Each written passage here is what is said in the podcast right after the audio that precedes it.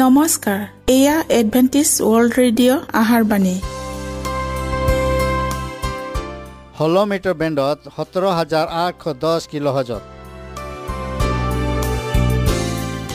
Adventist World Radio যোগে অসমীয়া ভাষাত প্ৰচাৰিত আহাৰ বাণী প্ৰত্যেক বুধবাৰ আৰু দেওবাৰ সন্ধিয়া সাত বজাত আহাৰ বাণী শুনাৰ পিছত আপোনালোকৰ কিবা মন্তব্য আৰু প্ৰশ্ন থাকিলে আমালৈ এই ঠিকনাত লিখক। আমাৰ ঠিকনাটি হৈছে Adventist World Radio' seven day Adventist মণ্ডলী অসম শাখা লতাকাটা বশিষ্ট গুৱাহাটী সাত আঠ এক শূন্য দুই ন।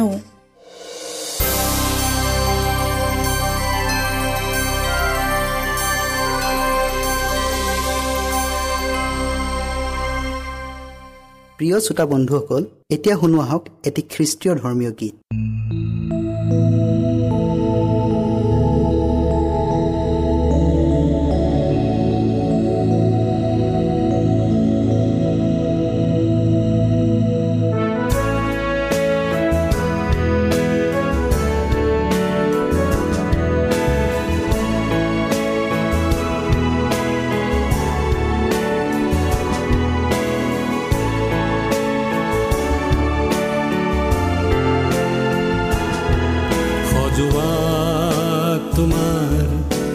হৃদয়খন সজোৱা তোমাৰ।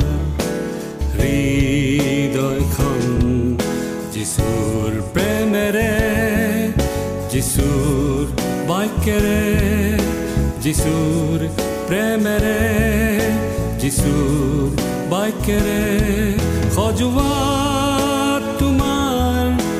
হৃদয়খন সজোৱা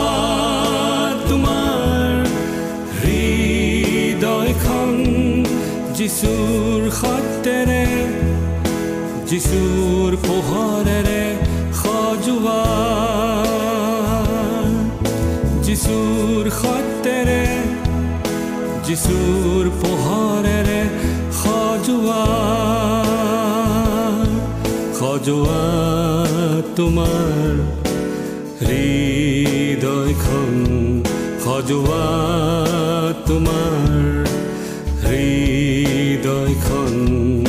যিচুৰ প্ৰেমেৰে যিচুৰ বাক্যেৰে যিচুৰ প্ৰেমেৰে যিচুৰ বাক্যেৰে সজোৱা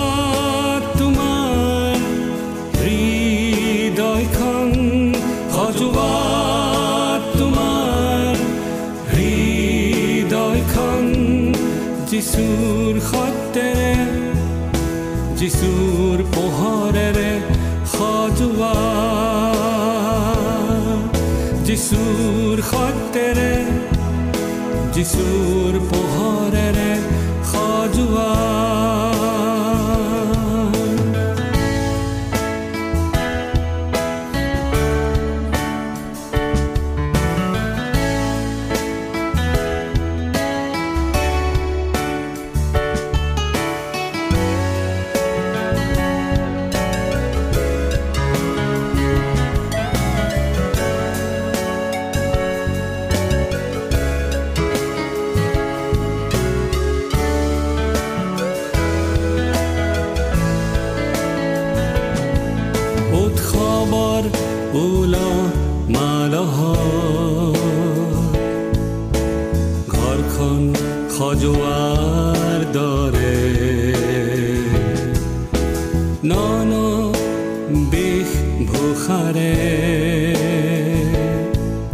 নিজকে সজোৱাৰ দৰে।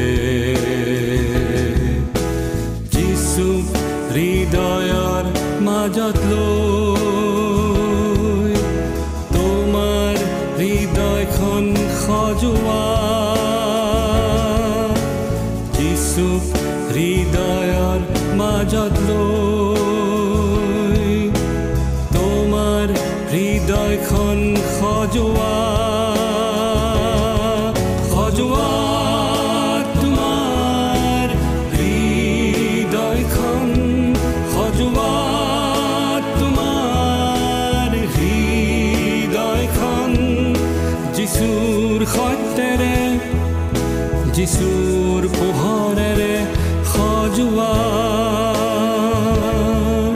যিচুৰ সত্যেৰে যিচুৰ পোহৰেৰে সজোৱা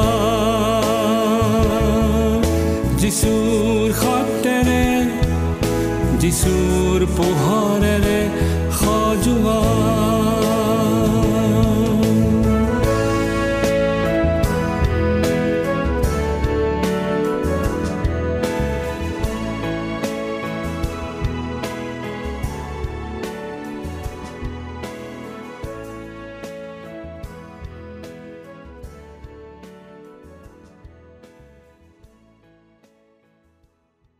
প্ৰিয় শ্ৰোতা বন্ধুসকল আহক আমি খন্তেক সময় বাইবেল অধ্যয়ন কৰোঁ হওক।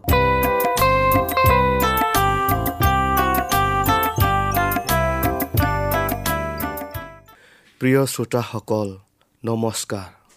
আমাৰ আজিৰ অংশটো হ'ল শস্য ক্ষেত্ৰ যুগুত কৰা। শাস্ত্ৰপদ আপোনালোকে পঢ়ক লোক আঠ অধ্যায়ৰ নৌৰ পৰা ওঠৰ পদলৈকে। বিষয়টি আগবঢ়াৰ আগতে আমি প্ৰাৰ্থনা কৰোঁ হওক। সেই সৰ্বশক্তিমান পবিত্ৰ ঈশ্বৰ জেহুৱা এই সুন্দৰ সময়ৰ বাবে তোমাক ধন্যবাদ দিছোঁ।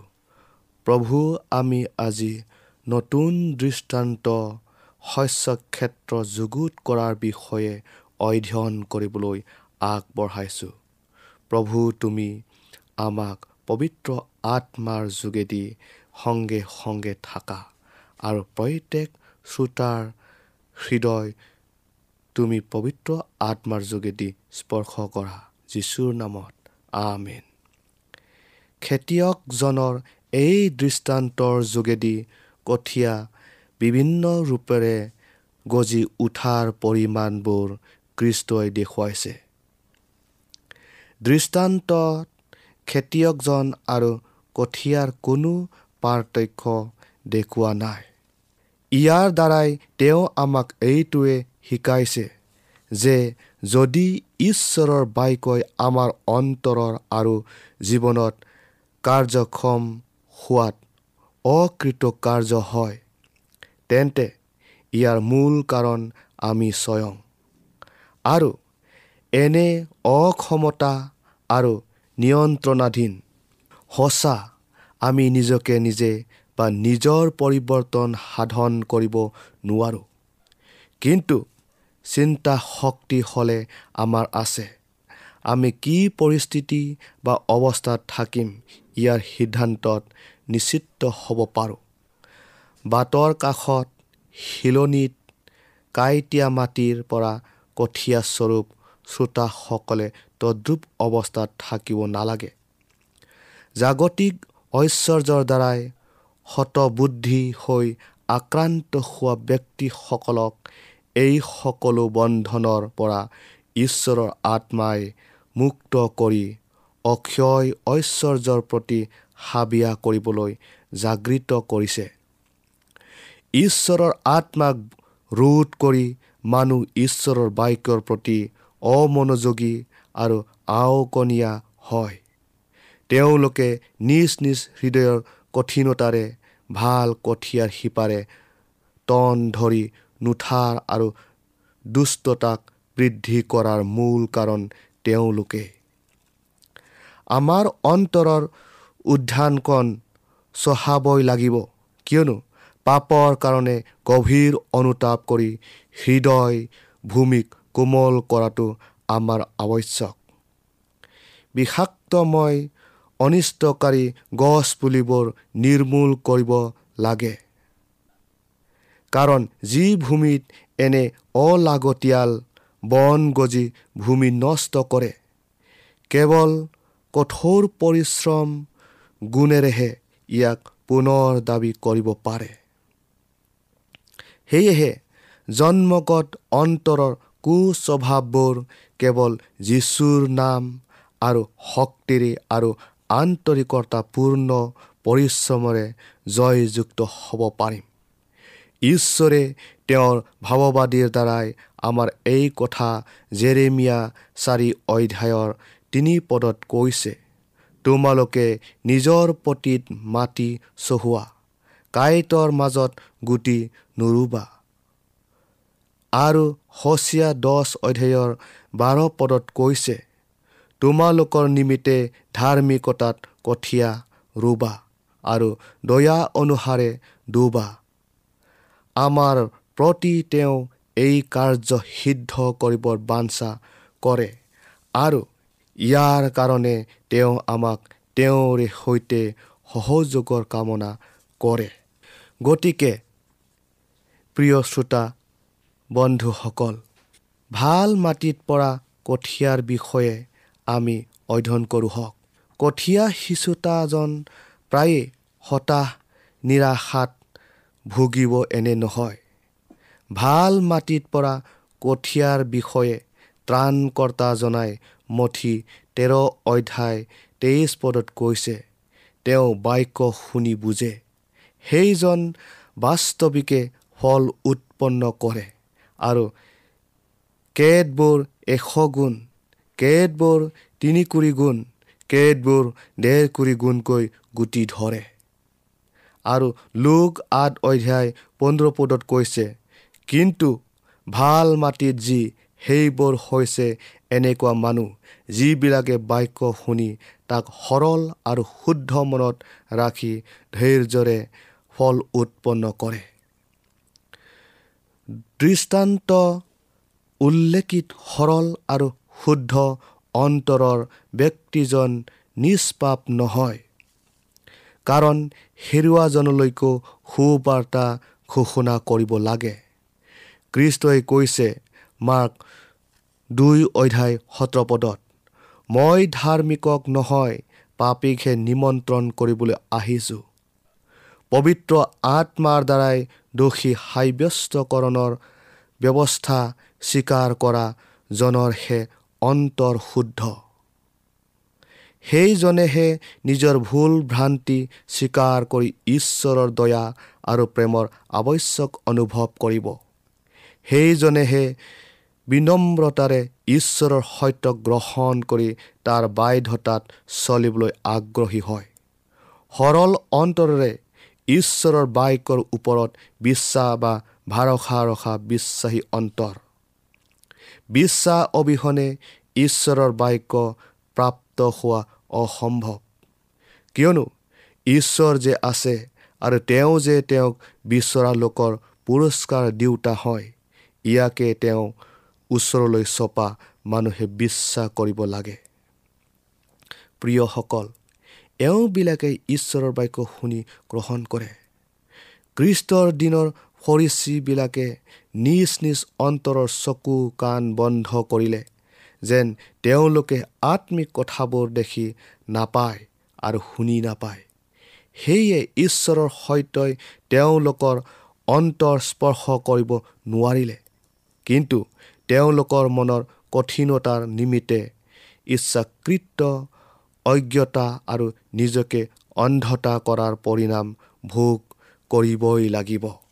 কিন্তু কৃষ্টয়ে তেওঁৰ শিষ্যবিলাকক নিজ নিজ অন্তৰৰ ডুবাই মুকলি কৰি দি তেওঁৰ শিষ্যবোৰৰ বিশ্বাসেৰে গ্ৰহণ কৰিবলৈ উদগনি দিছিল।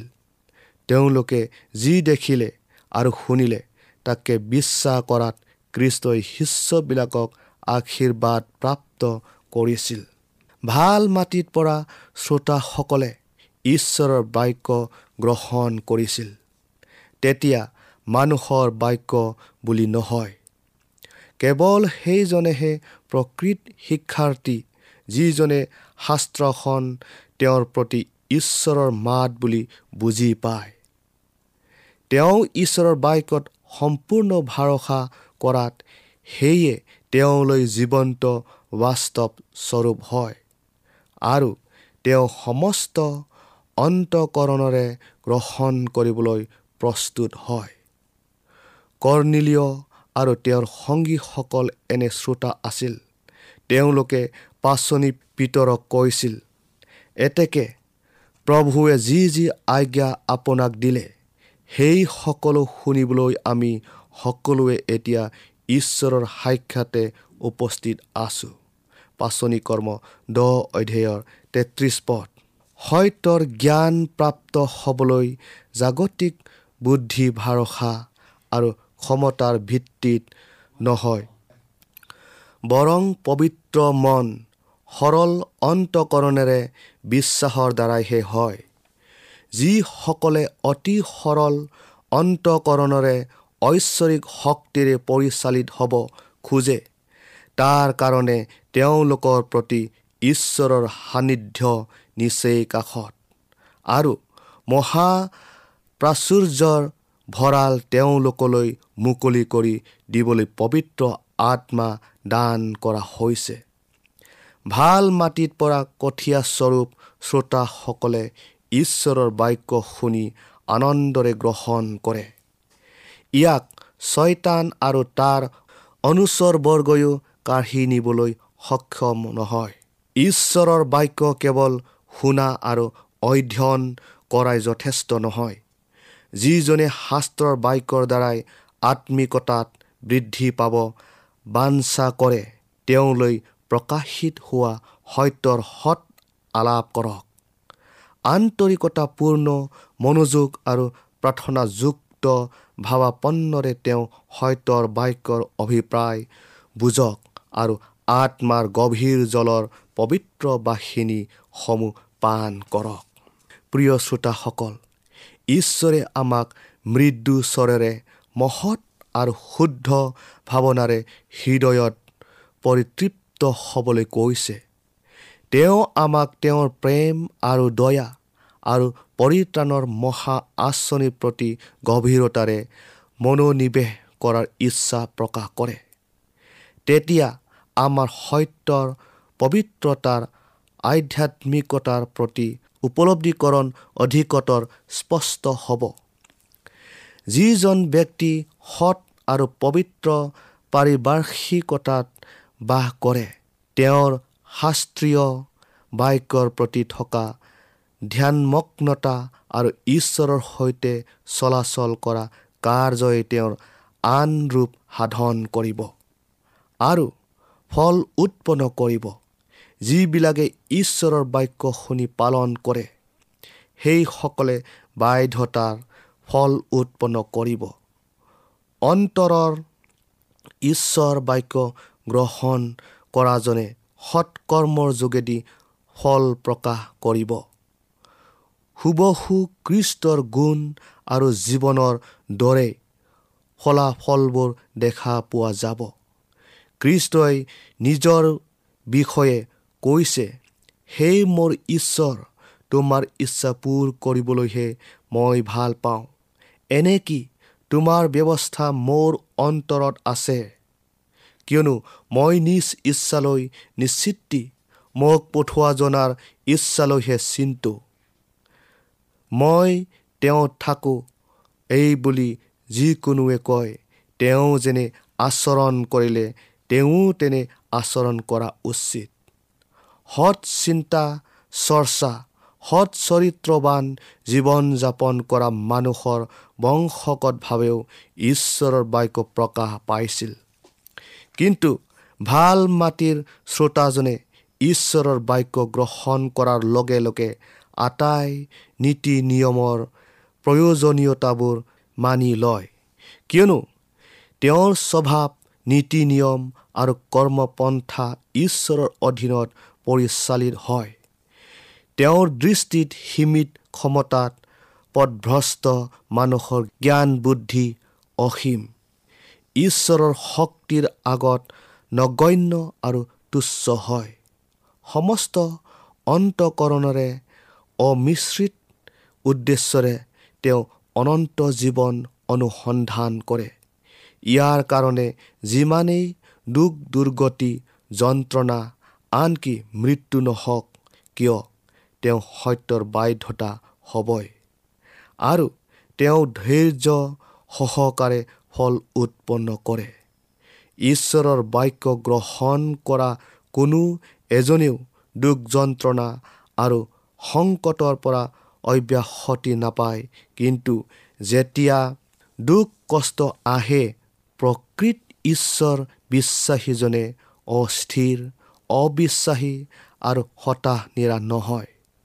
যদিও বিপদৰ নিৰ্দিষ্ট ফলাফল দেখি নাপাওঁ বা ঈশ্বৰৰ সময়োচিত ব্যৱস্থাৰ উদ্দেশ্যৰ বুজ নাপাওঁ তথাপিও আমাৰ বিশ্বাসৰ পৰা বিচলিত নহওঁ। হওক আমি প্ৰভুৰ আলসুৱা মৰম আৰু প্ৰেমৰ কথা সোঁৱৰণ কৰি আমাৰ চিন্তাৰ ভাৰ তেওঁৰ ওপৰত সোধাই দিওঁ হওক আৰু ধৈৰ্য সহকাৰে তেওঁৰ পৰিত্ৰাণলৈ অপেক্ষা কৰোঁ হওক।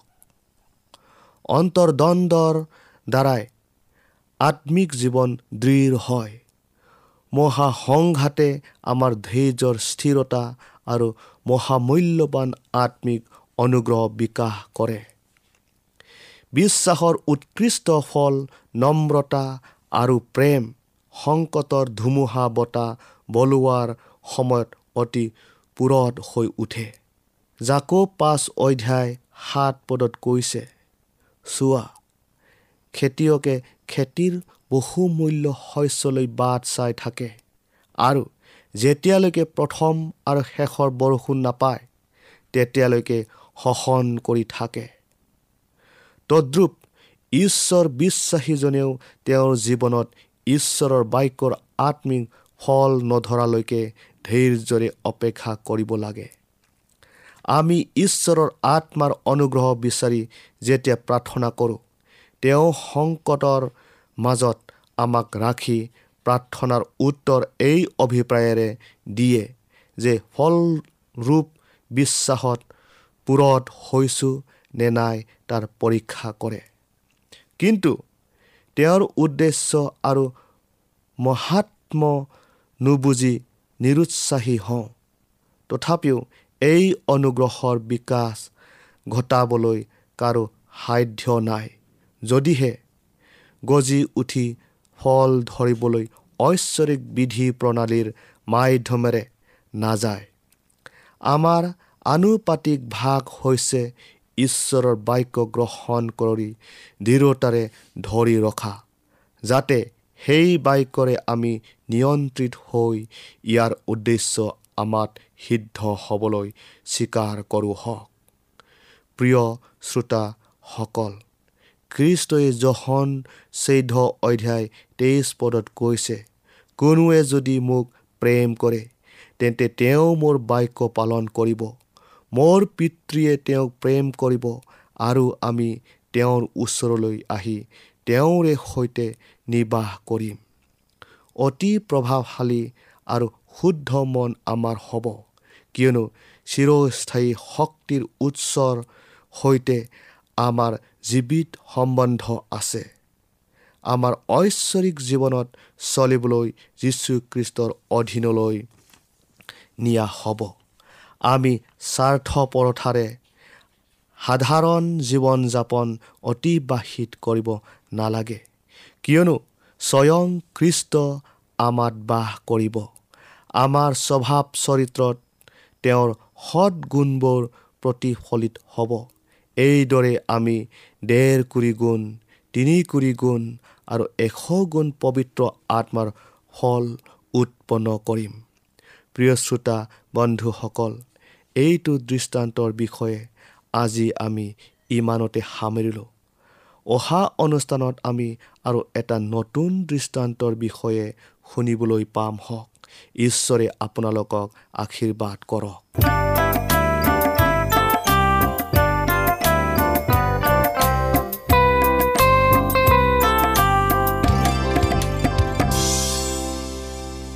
ইমানপৰে আমি বাইবেল অধ্যয়ন কৰিলোঁ। এতিয়া আকৌ শুনো আহক এটি খ্ৰীষ্টীয় ধৰ্মীয় গীত।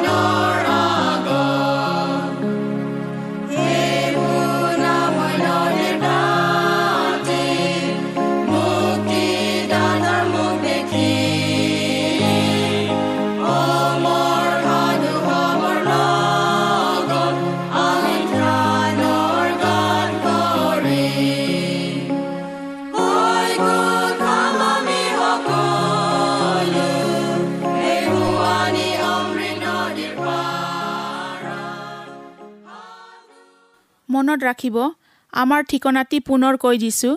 Adventist World Radio' Assam Region of Seven Day Adventist Voice of Hope Latakata Basistha Guwahati seven eight one zero' two nine প্ৰিয় শ্ৰোতা বন্ধুসকল এডভেণ্টিজ ৱৰ্ল্ড ৰেডিঅ' যোগে আহাৰবাণী প্ৰচাৰত আপোনালোকক পুনৰ লগ পোৱাৰ আহাৰে আজিলৈ সামৰিলোঁ। ধন্যবাদ।